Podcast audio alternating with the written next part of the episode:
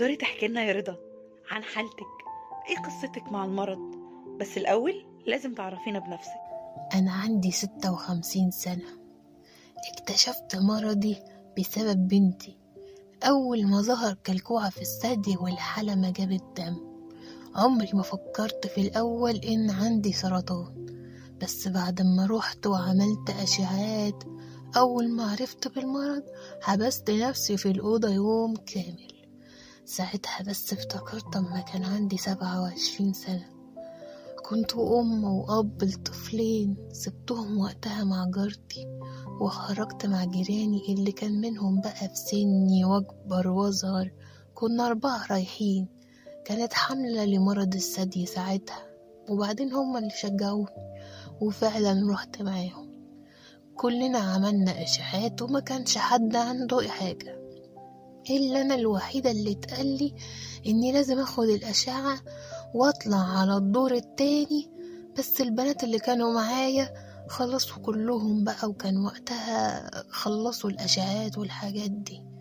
وبصراحة وقتها أنا خفت واتحججت بعيالي اللي كان عندهم وقتها سبع سنين وست سنين وخرجت وأنا مش في دماغي أي حاجة لحد ما وصلت لسن الخمسين. كان في ألفين وخمستاشر. اتحولت وقتها ورحت المستشفى بهية كانت لسه فاتحة.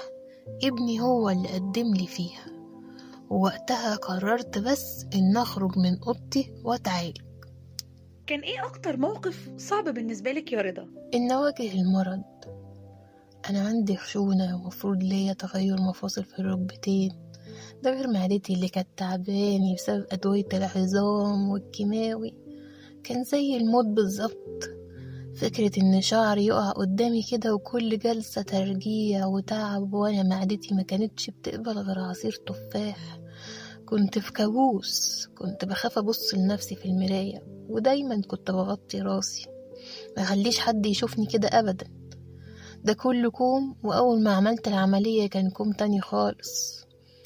اتحدد إن أشيل الثدي كله. اتعمل لي breast cancer كامل الثدي. بأربعتاشر غدة منهم الغدة اللي هي مفرزة للعرق تحت باطي وصلت لدرجة أكتر بقى ونفسيتي تعبت. بس كنت متضايقة من شكل جسمي وولادي حبايبي جابولي كده ثدي سيليكون وقتها ألبسه. أما أبقى خارجة عشان ما يبقاش شكلي باين يعني وعشان يصلحولي نفسيتي. بس اللي أعرفه إنك عاملة عملية في الناحيتين.